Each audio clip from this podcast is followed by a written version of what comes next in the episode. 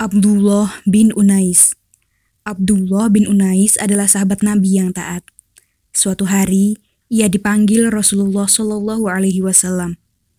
Hai Abdullah, saya mendengar bahwa Khalid bin Sufyan sedang mengerahkan pasukan untuk menyerang kita. Sekarang dia sedang berada di Arna. Sebelum sampai kemari, cegahlah Khalid, kata Rasulullah. Bagaimana rupa dan sifat Khalid? Tanya Abdullah. Rasulullah lalu menerangkan, jika bertemu dengan Khalid, engkau akan merasa takut, itulah tandanya. Abdullah pun pergi ke Arnah. Menjelang asar, ia tiba di dekat perkemahan Khalid dan pasukannya. Abdullah bingung antara memerangi Khalid atau sholat terlebih dahulu. Jika berhenti untuk sholat, Abdullah takut ketahuan bahwa ia seorang muslim. Tapi, ia juga tidak mau lalai mengerjakan sholat di awal waktu. Abdullah pun kemudian sholat sambil berjalan. Ia sujud dan ruku dengan isyarat.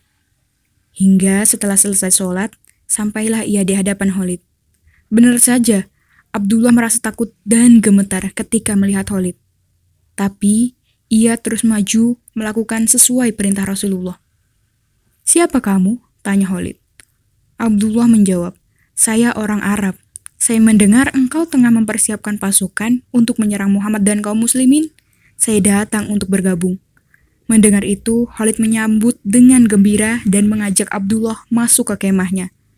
Ketika Khalid lengah, Abdullah langsung mencabut pedangnya.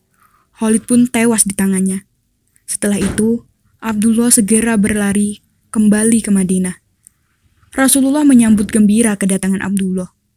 Beliau menghadiahkan tongkat untuk Abdullah sebagai tanda jasa. Abdullah keluar sambil mengacungkan tongkatnya. Orang-orang mengerumuni Abdullah.